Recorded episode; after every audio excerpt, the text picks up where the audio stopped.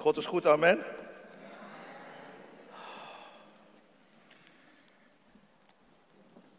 Misschien even in deze flow verder gaan. Ik had zo op het hart om over het koninkrijk van God te spreken. En ik dacht, het koninkrijk van God, dat is het thema, het koninkrijk van God. En zo enthousiast als u nu bent, zo was ik ook over dat onderwerp. Het koninkrijk van God. En toen dacht ik bij mezelf, ja, dat zingen we over, daar spreken we over. Uh, sorry, daar bidden we over. Maar als ik nou uit moet leggen wat het koninkrijk van God nou precies inhoudt, ik moest me toch wel even bijna mijn hoofd breken over wat het nou precies inhoudt. Ik ben er nog niet helemaal achter, maar ik heb wel heel veel gevonden. Ik ben er nog niet helemaal achter. Ik weet wel veel al van het koninkrijk van God, van dit onderwerp kreeg ik begin dit jaar aangereikt. En toen dacht ik, wat moet ik er nou over vertellen? Um,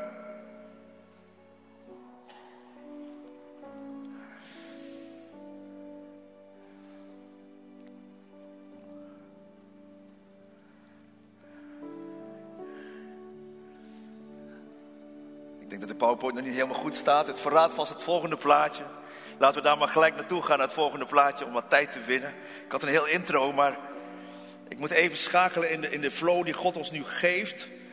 In, in, in aanbidding. En ik kreeg meteen dit op het hart. Als we naar dia-voorstelling gaan, dan komen we er vanzelf aan. Dat, was, dat zou een plaatje moeten zijn van Aruba. Wie is er wel eens aan Aruba geweest? dat wist ik. Maar we komen regelmatig tegenwoordig aan Aruba. Dit is, uh, wat, welk strand is dit? Eagle Beach. De kenners onder ons. Eagle Beach. Dat, ze zeggen dat het een van de mooiste stranden van de wereld is. Klopt niet. We zijn natuurlijk op de Molukken. Dat zijn de mooiste stranden van de wereld. Maar dit is eigenlijk een promoplaatje uit één uh, vakantie, uh, website, blad. En wat ze promoten is, is, is warmte, aan, dat het daar aangenaam is, uh, mooi. een heerlijke bries is er altijd. Hè? Dat is het heerlijk van Aruba. Het is heel erg warm, maar er is altijd een wind. En dat maakt het aangenaam. Het is aangenaam daar in dat land, op dat land, op dat eiland. Um, ik kreeg op mijn hart om dit te delen voordat ik begin met de preek. Want het volgende plaatje is de Port of Aruba. En dat zie je niet zoveel in, op de websites, de, de haven. Uh, uh, en port, een ander woord voor port in het Nederlands is? haven inderdaad. Maar vertaling port, porto, puerto is bijna de deur. De deur. Want de volgende plaatje is de airport van Aruba. De luchthaven eigenlijk de deur, de ingang om Aruba in te komen. Nou, Jos, waarom begin je daar nou over? We hebben het al zo koud. maar ik kreeg deze tekst op mijn hart. Ik ben de deur, Johannes 10, vers 9. Ik ben de deur, zegt de Heer Jezus, als hij het heeft over de schaapskooi. Ik ben de deur. En ik werd er zo bij stilgezet. Ik denk, Heer, ik ben de deur en wij hebben het altijd over Jezus. Overal waar we gaan, evangeliseren, in de kerken, zingen. We gaan, het gaat over Jezus.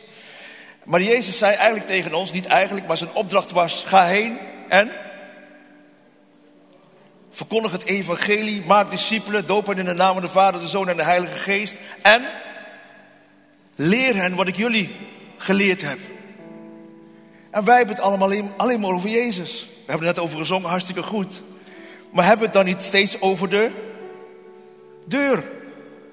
Brengen we mensen niet steeds bij de deur. Er moeten niet mensen verder dan de deur komen. Het mooie wat hier staat is, als iemand door mij naar binnen gaat, zal hij behouden worden. Hij zal ingaan en uitgaan.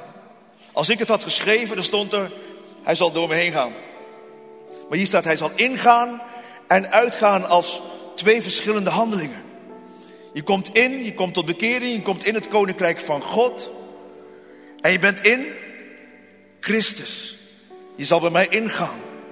En in die tussenfase, dan komt de wedergeboorte, hè? De wedergeboorte. Voordat je eruit komt, is er al heel wat gebeurd. Je bent gevormd. De Bijbel spreekt over je bent geweven in de moederschoot. Dus er is een moment van. Er is een proces waar je in terecht gekomen van vorming.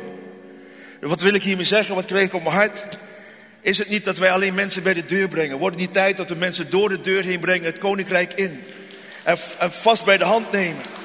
Bij de hand nemen. Weet je wat het geval is? Aruba ongeveer 150.000 inwoners. En, en drie ervan zijn hier. maar, heel veel, maar over het algemeen is het eiland bezet met drie keer zoveel mensen die daar aanwezig zijn. Wat gaan ze daar eigenlijk doen? Ze gaan naar een plek waar het beter is dan hun eigen plek. Ik werk ergens naartoe. De mensen gaan zich daar vestigen. Ik heb het over Aruba, maar ik kan het ook over Curaçao kunnen hebben. Maar ook over Bali. En als je het over Bali hebt, dan gaat het over miljoenen. Mensen die daar komen op vakantie, maar ook mensen die, die zich daar vestigen. Waarom? Omdat het daar beter is dan in hun eigen plaats waar ze vandaan komen. Dus in het geval van Aruba is het eiland drie keer zo groot qua inwoners dan dat er inwoners zijn. Stel je nou eens voor dat hier in deze gemeente mensen hebben ervaren dat het hier beter is dan in de wereld waar ze nu zijn. Weet je waarom ik hier ben? Omdat het hier voor mij beter is dan de plek waar ik vandaan kom. Amen. En hoe promoten we dat? Door het over de deur te hebben. Oh, de LWG heeft een mooie deur. Ze hebben verschillende deuren. Zelfs. De deur is stevig. De deur is krachtig. Mensen komen niet voor de deur. En misschien is het een hard woord, misschien moet je het onderzoeken. Maar Jezus zegt van zichzelf: Ik ben de deur. Leer hen wat ik jullie geleerd heb. En de Heer Jezus spreekt bijna alleen maar over het koninkrijk van God. Hij spreekt eigenlijk alleen maar over het koninkrijk. Alle facetten van het koninkrijk. Dus als ik naar Aruba ga, bijvoorbeeld, dan, dan ga ik daarheen omdat het, het, het, het, het is mooier dan de plek waar wij wonen. Het is fijner. Het klimaat is beter. Het klimaat is beter dan bij ons in Dordrecht. Dat bij jullie niet hoor ik, want jullie zijn niet zo enthousiast. Maar wat houdt het in het klimaat? Hoe is de onderlinge, hoe hoe is de onderlinge verhouding tussen de kerken? Tussen de kerkgangers? Zullen mensen proeven van buiten, hé, hey, daar wil ik ook zijn. Ik ga een reisje LWG boeken en als het me bevalt, dan ga ik daar wonen. Wat moet daarvoor gebeuren? Dat ze gezien hebben dat het hier goed vertoeven is. Dat hier liefde is, vrede, vriendschap, vriendelijk, uh, wat heb je nog meer? Vreugde, vrijheid, vrijheid, bepaalde mate. Goedheid, geloof, geduld, zachtmoedigheid en zelfbeheersing. Dat wij dat onderling aan elkaar betuigen. En dat zullen ze proeven. hier is veiligheid. Hier is veiligheid. Hier mag je gewoon jezelf zijn. Hier mag je fouten maken als je aan het spelen bent. Hier mag je fouten maken als je aan het preken bent. Binnen bepaalde, perk, binnen bepaalde grenzen natuurlijk. Maar je wordt er niet op veroordeeld. Je wordt niet weggestuurd omdat je niet goed genoeg bent, toch? Jullie zijn niet enthousiast. Er is werk te doen, broeder eh, Patrick. Er is werk te doen. Want zo, als de mensen dat proeven, niet zozeer het gebouw, niet zozeer de stoelen of, of de faciliteiten, maar als ze zien hoe wij met elkaar omgaan bij de LWG, in dit geval lichaam van Christus, of het koninkrijk van God, dan kan het niet anders dan de kerk overspoeld wordt met mensen die liever binnen zijn dan in de wereld buiten. Want hoe kan het nou eigenlijk dat, het, dat de mensen wegblijven? Hoe kan het nou eigenlijk? Zou het dan niet beter zijn? Zou het dan daadwerkelijk niet beter zijn? In het koninkrijk van God dan buiten.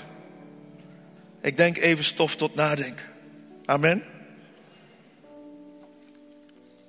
Oké, dankjewel broeder voor je hulp. Zullen we Thomas een applaus geven? We gaan snel beginnen, want ik heb nog maar beperkte tijd. We moeten om vier uur stoppen. I like to start with something funny. Uh, uh, ik, ik heb mop over Jantje. Sorry voor degene die Jan heette, ook thuis. Jantje staat aan de hemelpoort. Jantje staat aan de hemelpoort. En wie zien wij aan de hemelpoort? Ja, dat is dwaalleer, hè? Broeder, nog meer werk. Ik weet niet of Petrus aan de, aan de hemelpoort staat. Maar in ieder geval, laat het, dat hebben we geleerd. Petrus staat aan de hemelpoort. En Jantje zegt, ik wil graag naar binnen. Petrus heeft zijn boek. En zegt, oké, Jantje. Ja, Peter, Jantje zegt, wat moet ik daarvoor doen? Petrus zegt, je moet 100 punten verdienen. Nou, dat klopt ook niet, hè? Je moet 100 punten verdienen. Wat moet ik dan doen, zegt Jantje. Je moet uh, christelijke dingetjes doen. Jantje zegt, oh Kaasje, ik ga elke week naar de kerk. Peter zegt, half punt, want dat doet elke gelovige. Oh, half punt. Oké, ik, ik bid elke dag. Weer een half punt, want ik doe het ook elke gelovige. Jongen, jongen. Ik uh, ga elke week ga ik naar de Bijbelstudie. Dat is vijf punten, want dat doen niet veel mensen. Oeh. um, ik help mijn moeder elke dag. Daar krijg je geen punten voor, want dat moet je altijd doen. En op een gegeven moment denkt Jantje het volgende. Goeie genade, dat red ik nooit. Peter zegt 100 punten, kom binnen. en dat is eigenlijk het punt waar we uit moeten komen. Toen net dacht ik, oh, goede genade, waar gaan we heen? En dan komt God, hè? En dan komt God erin. Pas op het moment dat wij het loslaten, dat wij het werken, het zwoegen loslaten, komt God met zijn kracht en almacht. Amen. Niet alleen om ons bij te staan, maar om te laten zien hoe krachtig hij werkelijk is. En zo is het koninkrijk van God ook bedoeld, naar mijn mening. Goede genade, dat red ik nooit. En dan komt de Heer Jezus. We hebben het over het koninkrijk van God. Ik moet even in de versnelling. Als jullie mij niet geloven dat het koninkrijk van God een groot onderwerp is in de, in de Bijbel, in het Nieuwe Testament, dan gaan we even te raden bij de volgende personen. Johannes de Doper, dat is een bekende. Hij zegt aan het begin van zijn bediening, Matthäus 3, vers 2, bekeer u, want het koninkrijk der hemel is nabijgekomen. En dat is Johannes de Doper aan het begin van zijn bediening. Zou je dan niet met iets krachtigs beginnen? Oh, dat is ook Jan. Jan? Ja, ja, ja. Zou je dan niet met iets krachtigs beginnen? En hij begint met het koninkrijk der hemelen. Als je dan Johannes niet vertrouwt, dan gaan we naar Paulus toe. Paulus aan het eind van zijn bediening. Zou je aan het eind van de bediening niet iets bijzonder krachtigs doen? En er staat in Handelingen 28, vers 31. Hij predikte het koninkrijk van God. Gaf onderwijs over de Heer Jezus Christus. Die predikte over het koninkrijk van God. Met alle vrijmoedigheid, ongehinderd. Ook hier het koninkrijk van God. En nogmaals, ik kan maar een klein facet laten zien van wat er staat in de Bijbel over het koninkrijk van God. En als je dan Paulus ook niet gelooft, dan gaan we naar de Heer Jezus zelf. Aan het begin van zijn bediening uit Matthäus 4, vers 17. We kennen allemaal dit stuk. De Heer Jezus heeft zich net laten dopen uit gehoorzaamheid. Hij komt boven, er daalt een duif neer, de Heilige Geest. De hemel gaat open en je hoort een stem. Dit is mijn geliefde zoon. En wie ik mijn welbehagen heb. Het volgende moment dus, hij ontvangt de Heilige Geest en de Heilige Geest leidt hem in de, in de woestijn. In de woestijn. En we komen net uit de woestijn. Of misschien zitten we nog midden in de woestijn. En de laatste jaren is er gezegd, hey God, zet ons stil. God wil dat wij iets anders doen. Een great reset. Een transitiefase. Al die termen kwamen voorbij. Jezus komt spoedig. Hoor je opeens weer klinken. Maar ik geloof dat wij in die fase zitten dat God ons wil vormen. En niet opnieuw willen laten starten, maar nieuw leven de kerk in wil blazen. Amen. Het gevaar is dat wij weer opnieuw beginnen daar waar wij gestopt zijn. Tweeënhalf jaar geleden. Of drie jaar geleden. Terwijl we iets nieuws mochten beginnen. En daarom is het zo mooi wat er net gebeurde. En mooi dat de pastor er gelijk op inging. Dat is die connectie met de Heilige Geest. Is die connectie met God zelf. Om te doen niet wat het programma zegt. Of wat het concept zegt. Of wat de liturgie zegt. Maar doen wat God zegt. Amen. Amen. Het koninkrijk der hemel is nabijgekomen, zegt de Heer Jezus aan het begin. Maar ook aan het eind van zijn bediening. Handelingen 1, vers 3. Hij heeft zichzelf, nadat hij geleden had, ook levend aan hen vertoond. Met veel onmiskenbare bewijzen, 40 dagen lang. Waarbij hij door hen gezien werd en over de dingen, over de dingen sprak die het koninkrijk van God betreffen. Dit moest gedocumenteerd worden. Opdat wij het eeuwen, nou zoveel honderden jaren later terug zouden lezen. Hoe belangrijk het koninkrijk van God wel niet is. Als je het nog niet gelooft, dan zal de Heer Jezus zelf nog een keer bevestigen wat hij bedoelt in Lucas 4, vers 43. Maar hij zei tegen hen, ik moet ook andere steden het evangelie van het koninkrijk van God verkondigen. En dan komt het, want daarvoor ben ik uitgezonden. Want daarvoor ben ik uitgezonden om het evangelie van het koninkrijk van God te verkondigen. Dus als Jezus er al voor uit is gezonden, waar zijn wij dan? Waar worden wij dan voor uitgezonden? En hij predikte in de synagogen en de kerken van Rotterdam. Amen, amen. Het koninkrijk van God is het thema. En Marcus 10, vers 15, dat is mooi hè, want die zuster die net voorging in het begin, ik ken je helemaal niet, maar zo krachtig hoe je dat sprak. Um, daar kom ik zo meteen op terug. Eerst Marcus 10, vers 15, er staat, voorwaar, ik zeg u, wie het koninkrijk van God niet ontvangt als een kind, zal het, zal het misschien niet binnengaan. Beslist. Dat is heftig. Als jij het koninkrijk van God niet ontvangt als een kind, zal je het beslist niet binnengaan. Absoluut niet. Weet je nog dat je wanneer je geen corona, heet het, QR-code had, kwam je beslist niet binnen. Het koninkrijk van God kom je beslist niet binnen, volgens de Heer Jezus. Ik zeg het niet, ik durf het niet te zeggen, maar de Heer Jezus zegt het zelf. Dan durf ik het misschien nog wel te zeggen. Je zal het beslist niet binnengaan. Wat is nou het grote verschil? Sommige mensen mogen niet meedoen. Tussen een kind en een volwassene. Onbevangenheid, wat zeiden jullie? Ik versta het niet goed. Beredeneren hoor ik 17 keer. kind gelooft alles. Oké, deze. Een kind maakt zich geen zorgen. Daar had hij dus het meteen al over. Meteen al in het begin. Want wat staat het natuurlijk in het volgende stuk? Matthäus 6, vers 33. Maar zoek eerst het koninkrijk van God en zijn gerechtigheid en al deze dingen zullen u erbij gegeven worden. God weet dat wij van dingetjes houden. Amen. ik heb allemaal dingetjes aan mijn oor. Ik ga het even weghalen hier zo. Oké. God weet wat wij, waar wij naar verlangen, wat we nodig hebben. Dat komt allemaal wel goed. Maar hij zegt, zoek in alles eerst het koninkrijk van God. En dat is belangrijk. Want inderdaad, wij maken ons zorgen. Gaat het wel goed komen met die worship? Moeten we de liederen niet nog een keer oefenen? Moet ik die preek nog niet veertien keer uh, doorlezen voordat het goed komt? En we vergeten dat Gods geest met ons is. En onze ontspannenheid wordt geroofd. Onze spontaniteit wordt geroofd. Onze vreugde wordt geroofd, want je bent gespannen als een veer. En uiteindelijk komt Gods geest erin. Eh, en dan komt het allemaal goed. Voorwaar, ik zeg u, wie het koninkrijk van God niet ontvangt als een kind, zal het beslist niet binnengaan. En wij maken ons zorgen. Ik ben ergens naartoe aan het werken, nogmaals. Romeinen 14, vers 17, daar staat een definitie van Paulus. Want het koninkrijk van God bestaat niet uit eten en drinken, maar uit gerechtigheid, vrede en blijdschap in de Heilige Geest. Kan ik ook nog een preek over schrijven, maar dat is fantastisch. Lees het een keer na en ga uitzoeken wat het nou precies inhoudt. Gerechtigheid is dat je vrij bent. Vrede is dat je niet bang bent om te sterven. Als ik sterf, dan leef ik nog. Amen. Als ik sterf, dan leef ik nog. Waarom zou ik dan bang zijn om te spreken? Waarom zou ik dan bang zijn om te getuigen?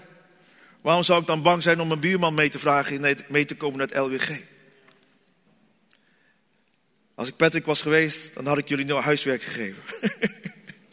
maar dat ben ik niet.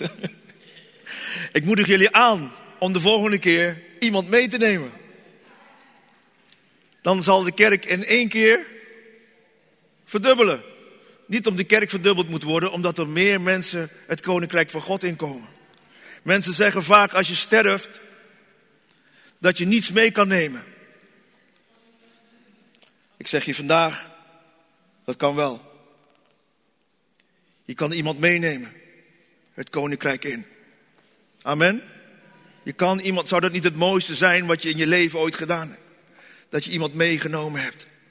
En misschien wel meer iemanden. En niet alleen omdat de Heer Jezus het vraagt, maar dat dat alleen maar al in je hart. Dat je al, je bent zwanger. Zwanger met die vrucht om mensen mee te nemen het koninkrijk in. En niets mooiers dan dat te mogen beleven. En zo ben ik ook aan de hand genomen het koninkrijk in. En helaas staat hier, want het koninkrijk van God bestaat niet uit eten en drinken. Dat heb ik gedacht, dat zien jullie. Het was iets te hard aan die lach. Maar uit gerechtigheid, vrede, blijdschap in de Heilige Geest. We hebben, over, we hebben het over het koninkrijk van God. En dan komt de vraag van de fariseeën. Want die komen natuurlijk ook altijd om de hoek kijken. Mensen die het moeilijk maken in het leven. En deze vragen de Heer Jezus. Lucas 17, vers 20. Toen hem door de fariseeën gevraagd werd wanneer het koninkrijk van God zou komen, antwoordde hij hun en zei, het koninkrijk van God komt niet op waarneembare wijze.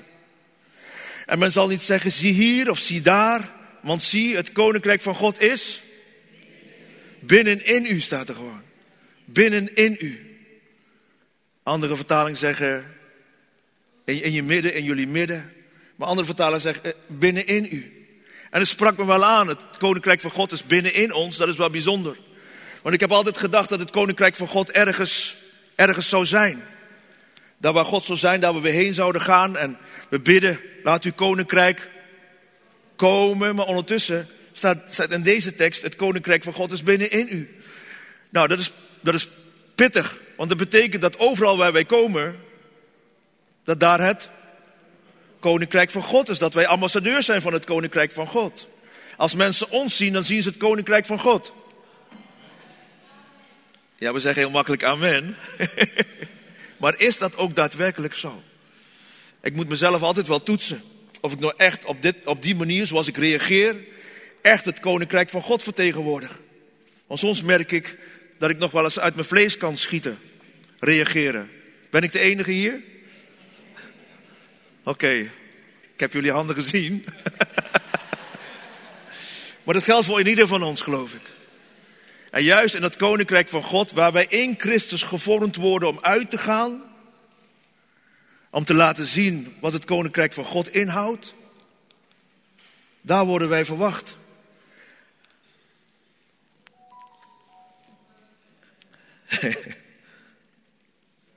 het koninkrijk van God is binnenin u.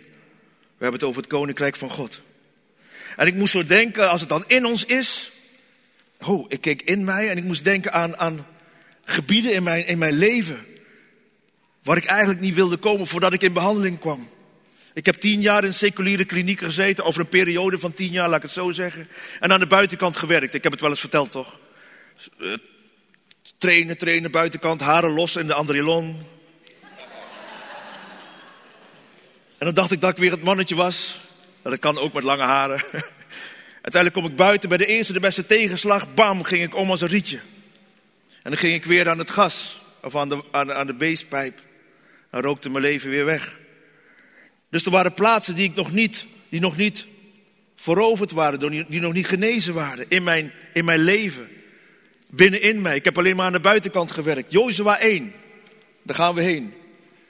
Jozua 1, daar moest ik aan denken. Jozua komt van Joshua. Joshua komt van Yeshua. Heenwijzing naar de Heer Jezus. Joshua mag het volk Israël, de kinderen van God, in het beloofde land brengen. De Heer Jezus brengt ons in het koninkrijk van God. En als je dan in Christus bent, dan ben je gelijk van al je problemen verlost. Amen, hoor ik die zuster. Nee, want wat lezen wij in Jozua 1 e- eh, vers 3? Oh nee, wat weten wij trouwens? Toen het volk Israël het beloofde land inging, wat kwamen ze tegen? Reuzen, tegenstand, tegenstanders. En dat maken we ook mee in ons leven. Gebieden die nog overwonnen moesten worden, ingenomen moesten worden. Onontgonnen gebied misschien. En misschien krijg, kom je dat ook tegen in je leven, daar gaan we naartoe werken. Maar eerst gaan we naar de beloftes van God kijken die staan in Jozua 1. We hebben ze vaak gehoord, maar laten we vandaag even zakken van je hoofd naar je hart. Elke plaats die uw voedsel betreedt, heb ik u gegeven overeenkomstig wat ik tot Mozes gesproken heb. Jullie zijn enthousiast.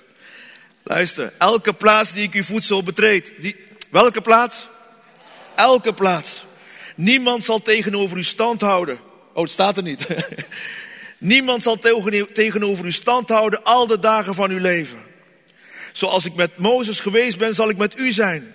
Ik zal u niet loslaten. En ik zal u niet verlaten. Dat is goed nieuws. Hoeveel mensen zullen tegenover ons stand houden? Niemand. Niemand. Wat maken we ons nog druk? Hoe lang? Al de dagen van ons leven. Dat is altijd. Ik zal je niet loslaten en je niet verlaten. En in vers 9 staat, heb ik het u niet geboden. Wees sterk en moedig. Schrik niet, wees niet ontsteld, want de Heer uw God is met u overal waar u heen gaat. Elke plaats die onze voedsel betreedt, heeft hij ons al gegeven. Niemand zal tegenover ons stand houden, al de dagen van ons leven. Ik zal je niet loslaten en niet verlaten. Zomaar een paar teksten, er staan er nog honderden in de Bijbel. Heb ik u niet geboden, wees sterk en moedig. Schrik niet, wees niet ontsteld, want de Heer uw God is met u. Waar? Overal waar we heen gaan. Overal waar we heen gaan. Dus niet alleen hier in de LWG of in deze kerk, maar overal waar we heen gaan. Dat is bijzonder hè? Er staat wees sterk en moedig. Maar is dat op deze manier? Wees sterk en moedig fysiek. Ik heb het gezegd, hè? ik heb veel aan de buitenkant gewerkt destijds. Dat zie je tegenwoordig niet meer zo heel goed. Maar, maar strijden doen we op een andere manier. Amen. Strijden doen we op een andere manier. Op de knieën je trots voorbij. Overgeven misschien wel het engste wat wij als mensen kunnen doen. Vooral als je je leven lang geknokt hebt buiten. Tegen je verleden, tegen je eigen karakter, tegen je vader of tegen je moeder. Als je, als je, als je gestreden hebt om te overleven al die jaren lang. En dan wordt er opeens van je gevraagd, wil je overgeven? En misschien voor een vorm, dan doe je het. Je hebt geleerd om je eigen aan te passen. Uh, vaardigheden aangeleerd om je eigen aan te passen in situaties. Maar doe je het ook met je hart? Lukt het ook met je hart? Om je totaal over te geven. Ik vond het zo rare mensen in de kerk vroeger, hè? In die Pinksterkerken en die evangelische kerk.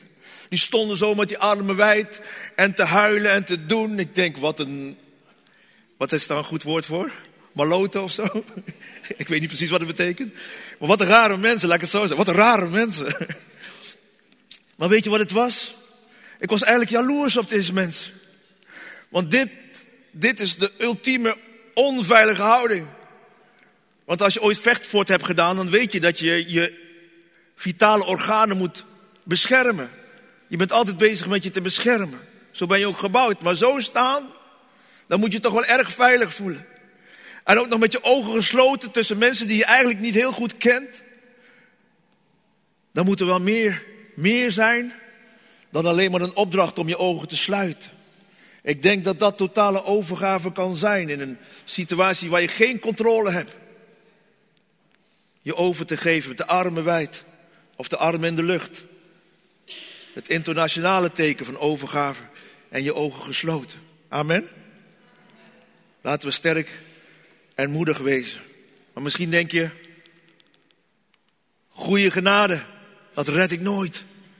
En dat is de plek waar we moeten zijn. Dat red ik nooit, ik heb u nodig. Ik heb u nodig, de coach met een hoofdletter C.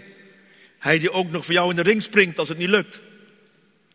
Oké, ik word enthousiast. maar als je naar binnen aan het kijken bent, misschien kom je dit tegen. Dit bord waar staat, misschien kan je niet lezen, dan zeg ik het. Gevaarlijk terrein. Jos, dat is een gesloten boek. Daar wil ik niet meer komen in het verleden.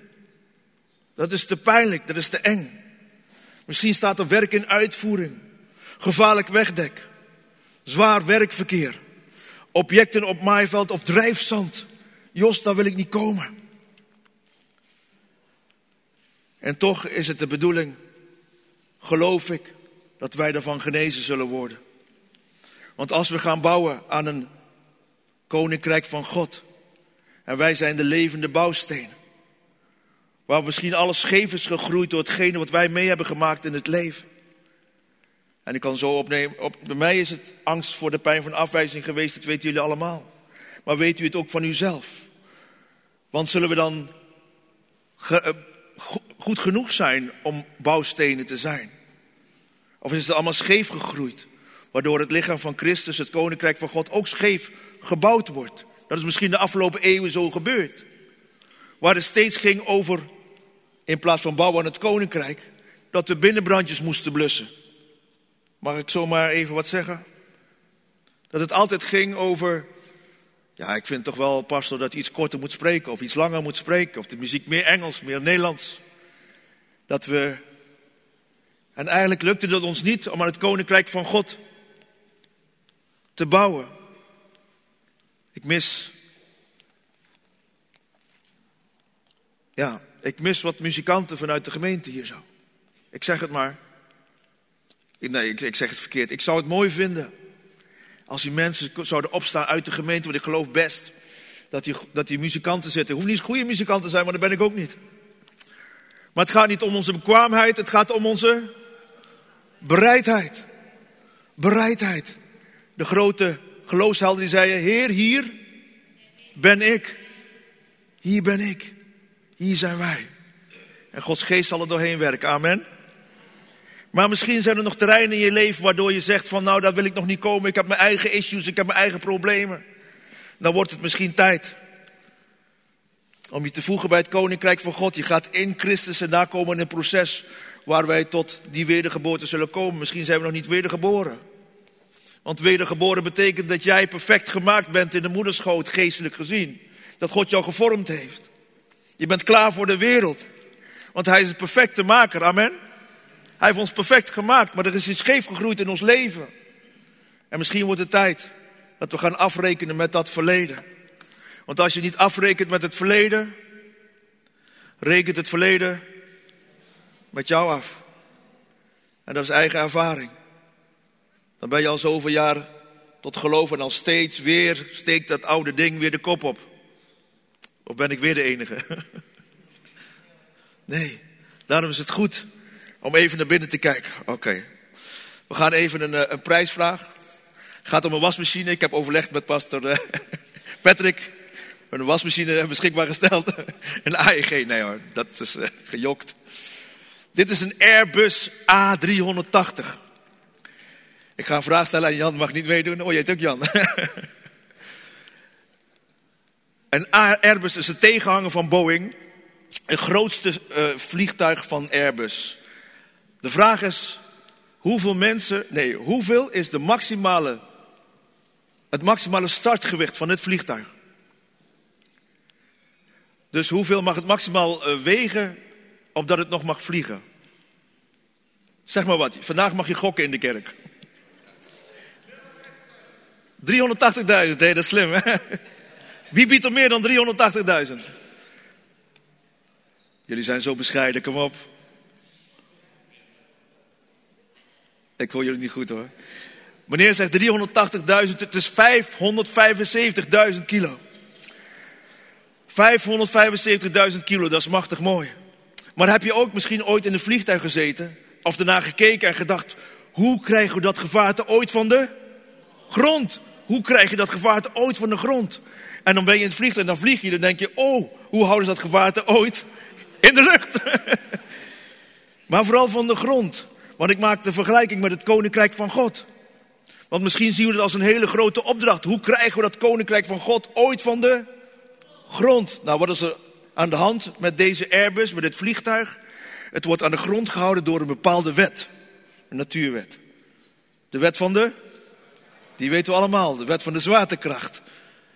De wet van de zwaartekracht houdt het vliegtuig aan de grond. Wat moet er gebeuren? Wil dit vliegtuig de lucht ingaan? Zeg maar hard, want ik heb slechte oren.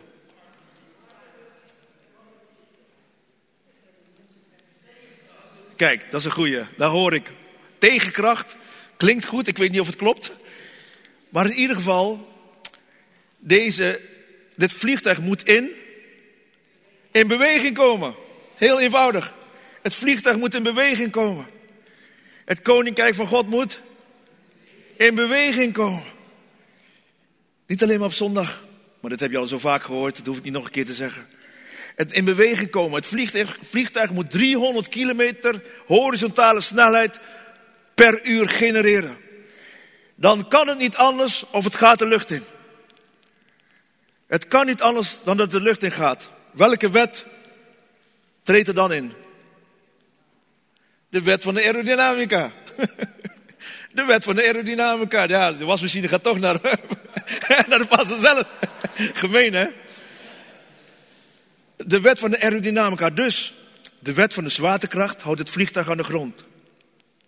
De vergelijking met het koninkrijk. De wet, de wet van de zwaartekracht houdt het vliegtuig aan de grond. Een andere wet komt, dat is de wet van de aerodynamica. En de wet van de zwaartekracht wordt opgeheven. Misschien zijn er nog bepaalde wetten in uw leven die u persoonlijk aan de grond houden. Misschien denkt u ook, waarom kom ik niet van de grond? Wat gebeurt er in mijn leven? Waarom word ik steeds aan de grond gehouden? De wet van de aerodynamica. We moesten in beweging komen, Matthäus 7, vers 21. Sorry. Niet ieder die tegen mij zegt, Heere, Heere, zal binnengaan in het koninkrijk der hemelen, maar die de wil doet van mijn vader. Niet zozeer over de inhoud, maar over de twee werkwoorden. Niet ieder die tegen mij zegt, maar die de wil doet. Ik wil bijna zeggen geen woorden, maar daden, maar dat ga ik niet doen. maar er worden meer daden van ons verwacht. Niet die de wil, niet die, tegen mij zegt, maar die de wil doet van mijn Vader die in de hemelen is. Een koninkrijk bestaat uit koning en onderdanen. Een gebied, wetten en cultuur. En nu moeten we even opletten met z'n allen. Ik ben er snel doorheen gegaan. Maar wetten en cultuur. En misschien zijn er nog wetten in ons leven, dat heb ik net al gezegd, die ons aan de grond houden. En waar heb je dan over, Jos? Voorbeelden van oude wetten in ons leven. En ik heb jullie nodig hierbij. Oog om oog. Kent iemand die wet in zijn leven? Ik ben weer de enige. Zo ben ik opgegroeid. Jij mij pijn doen, ik jou nog meer pijn doen. Ja, die kennen we. Misschien, misschien mogen we niet kennen van onszelf, maar zit het wel in je hart. Zo zijn wij als, ja, toch wel als Molukse volk opgegroeid. En misschien ook andere. Er is een wet die heet Apadatang dari muka jangan undure. Zullen we dat alle met z'n allen zeggen? Wat er op ons pad komt, we doen nooit een stap terug. Dat is een mooie wet natuurlijk, maar het brengt je wel steeds in de problemen. Als je niet een keer kan buigen of sorry zeggen. Oké, we gaan door. Deze kennen we. Een man mag niet. Jullie zijn wel gemeen hoor. Zo. Oké, we gaan dadelijk bidden. deze, deze. Eens een dief. Oh. Dan heb je toch geen kans meer om je leven te beteren. Als die wet in je hart geldt, eens een dief, altijd een dief. Maar misschien heb je een bemoedigende vader of moeder gehad of iemand in je omgeving die het volgende zegt. Wie voor een dubbeltje? Die kennen ze nog beter dan de Bijbelteksten. Echt hè? Maar dat is ook ernstig. Want als dat leeft in je hart, als dat een wet is in je hart, dan gehoorzaam je misschien nog aan die wet. Snap je? En als je dat voor een ander zegt, dan zeg je het ook naar jezelf toe. Een man mag niet huilen. Nou, ik ben blij is niet goede woorden, maar elke keer als ik hier sta te huilen, dat gebeurt al vaker, dan is het een stukje bevrijding. Loskomen van die wet, een man mag niet huilen. Weet je hoe je dat gevangen houdt? Weet je hoe je in de knel komt als man zijn en misschien ook als vrouw? Als je niet mag huilen. En dat je het altijd maar opkropt, opkropt, opkropt. En dan word je boos op je vrouw en dan snap je niet waar het vandaan komt. Dat is omdat je niet weet hoe te verwerken de dingen die op je pad komen. De tegenslagen, het verdriet, het, het, rouwen. En man mag niet huilen. En dan komt het eruit op de verkeerde manier. De laatste. En deze was een ernstige in mijn leven. Kinderen die vragen. Worden in elkaar geslagen. maar los van het grappige is het natuurlijk ook ernstig. Dat hoor ik vroeger altijd. Kinderen die vragen worden overgeslagen. Nou, je durft als kind niet meer te vragen. Je durft niet meer te vragen. En als je niet vraagt, dan leer je niks. Dan leer je niet hetgene wat je niet snapt. Je komt niet vooruit in het leven. Je komt niet van de grond in je leven. Je stagneert. En dat gebeurde voor 40 jaar in mijn leven. Omdat ik niet durfde te vragen. Ik probeerde wijs te zijn bij de hand, streetwise. Maar ik kwam niet verder. Ik kon niet ont, ontwikkelen. En deze heb ik wel eens verteld. Ontwikkelen is loskomen van je wikkels. Ontwikkelen is loskomen van je wikkels. En als je nooit durft te vragen, als je niet meer dan een dubbeltje durft te zijn, als je denkt dat je altijd de dief zal blijven, als je nooit durft te huilen en als je altijd maar wraak moet nemen, dan kom je vast te zitten in je wikkels. Dan word je een beetje ingewikkeld. Ingewikkeld. En er wordt de tijd dat we ont ontwikkelen. Loskomen van de wikkels. Loskomen van gebondenheid. En het mooie was, toen Jezus uit de dood was opgestaan, wat bleven er achter? Wikkels. Wikkels. Omdat Hij ons wil laten ontwikkelen, loskomen van onze wikkels, ons vrij wil zetten, loskomen van angsten en oude wetten in ons leven. Kinderen die vragen worden absoluut niet overgeslagen. En vooral niet bij de Heer. Amen. Vraag en je zult. Dat is een nieuwe wet. Dat is een nieuwe wet in ons leven. Vraag en je zult ontvangen. En mijn begeleiders bij de hoop hadden gehoopt dat ik dat nooit zou horen. Want ik bleef maar vragen stellen. Waarom die drinkbeker? Waarom aan het kruis? Waarom die spijkers? Waarom, waarom, waarom? Want ik wil dit weten. Ik wil dit weten. Ik hoef niet meer te weten hoe ik zo, zo snel mogelijk mijn high kan halen, want there's no high like the most high. Amen. Amen. Ik heb uitgezocht hoe je zo snel mogelijk high kan worden van, van de cocaïne, van de crack. Nee, ik wilde uitzoeken hoe ik los kon komen van die wikkels. Door deze Heere Jezus heen. In het koninkrijk van God. Waar je mag dienen. Waar je mag dienen. En dat een eer is. In plaats van bediend te worden. En dan ook nog denken dat je de man bent. Jezus kwam met een nieuwe wet. Een nieuwe wet, een nieuw gebod geef ik u, namelijk dat u elkaar lief hebt, zoals ik u lief heb gehad, moet u ook elkaar lief hebben. Goede genade, denk je, dat red ik nooit. Elkaar lief hebben, dat kom je misschien wel eens tegen. In je situatie, misschien in je huwelijk. Maar daar wil ik nou niet komen, het is gevaarlijk terrein. Jezus geeft ons een nieuwe wet die je oude wetten opheft. 1 Johannes 4, vers 18. Er is in de liefde geen. We hebben niks om bang over te zijn. Maar de volmaakte liefde drijft de vrees uit. Andere vertaling zegt angst. Vandaag komen we los van onze angst. Komen we los van onze verleden. Amen. Amen. We komen aan het einde van de preek. Ik ben er doorheen gesneld, eigenlijk alleen maar om hier te komen bij dit plaatje.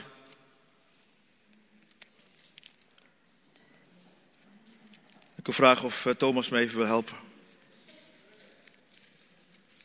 Ik wil vragen of Thomas me even wil helpen. Oh.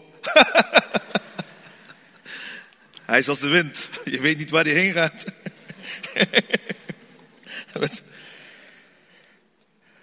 Misschien herken je dit plaatje, dus we zijn weer op die luchthaven. We gaan naar het vliegtuig toe. We moeten inchecken. We gaan naar het koninkrijk van God toe. We gaan inchecken. Als je met, vliegtuig, met een vliegtuig naar Aruba gaat, dan mag je misschien maximaal 20 kilo meenemen. We halen het altijd net. ik makkelijk natuurlijk. de rest zeg ik niet. Sorry schat. Maar misschien herken je dit uit je leven, want op een gegeven moment als je te veel, te veel meeneemt aan gewicht, dan kom je er niet in. Want dan maak je zorgen dat je tekort komt, eigenlijk. Toch? Als je niet als een, als het koninkrijk niet als een kind ontvangt, dan kom je, zul je beslist niet binnengaan. Dus te veel voorbereiden hoeft nou ook weer niet. Je hebt te veel gewicht en misschien heb je te veel ballast in je leven. Misschien herken je dit, dat je dit meeschouwt van dag tot dag al jarenlang. En inderdaad, bij de hoop uit behandeling kwam ik achter, verslaving was niet mijn probleem. Het grootste probleem. Het was het gevolg van. Het altijd maar meeschouwen van mijn pijn. Het altijd maar meeschouwen met mijn verleden op mijn rug. Dan kwam ik die kliniek uit en had ik die koffers vol met angst, met schaamte, met schuld. En ik merkte met die koffers vol kwam ik niet door, de, door die deur naar de volgende fase in het leven. I got stuck. Ik kwam vast te zitten. Stagneerde. Blokkeerde. En dat is de rode draad in mijn leven geweest. Misschien herkent u het uit uw leven.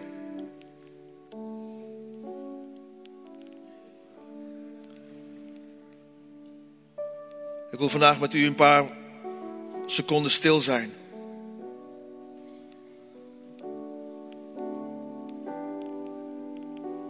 Om de Heilige Geest te vragen. Omdat wij misschien zaken geblokkeerd hebben in ons leven. Dat we daar niet meer willen komen, die gebieden. Die God wil dat wij die in gaan nemen. In zijn kracht. Want zijn belofte is elke voedsel, elke plek die jouw voedsel betreedt, heb ik je al gegeven. En meestal in de drukte komen we daar niet. Dus ik wil een aantal seconden stil zijn en de Heilige Geest uitnodigen. Om mee te kijken in ons hart, in ons leven, of er nog gebieden zijn, ook thuis. Waardoor wij blokkeren. Waardoor we niet van de grond komen. Waardoor we te veel meeschouwen in ons leven. Zullen we dat doen? Als we de ogen sluiten. Wil ik u vragen, Heilige Geest. Wees welkom. Wees welkom met uw zachte kracht. En help ons in veiligheid te gaan naar die plek in ons leven, in ons zijn.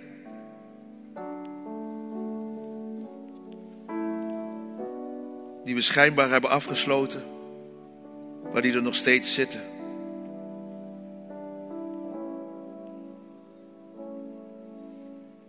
onverwerkte pijn uit de jeugd. Ouders gescheiden, geliefden gestorven, gepest op school, armoede, vader, moeder niet aanwezig, mishandeling misbruik. Verraden.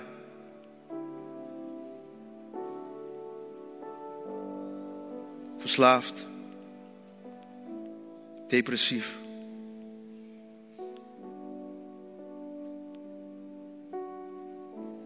Schaamte voor wie je bent. Schaamte voor wie je niet bent.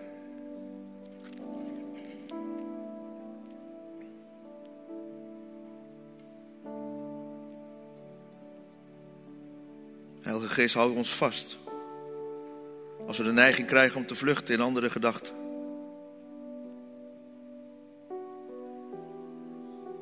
Hou ons vast om ons bij te staan als het spannend wordt. Hou ons vast, Heer.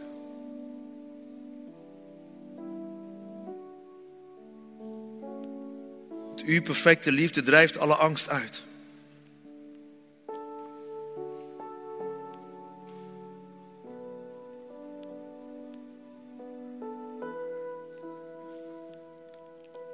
Misschien zijn er wat dingen boven komen drijven. Of zijn er deuren opengegaan op dit moment als we de ogen gesloten houden. Dan gaan we zometeen, een, ik in ieder geval, een refijn zingen. Uit 308, O laat God zo je thans omhullen. En dan mag je misschien in eigen woorden die dingen bij God, aan God geven. Je lasten aan God geven. En als je niet durft uit te spreken, dan geef je de andere woorden aan in plaats van. En anders fluister je het. Als Thomas iets harder wil spelen, dan gebeurt het ook discreet.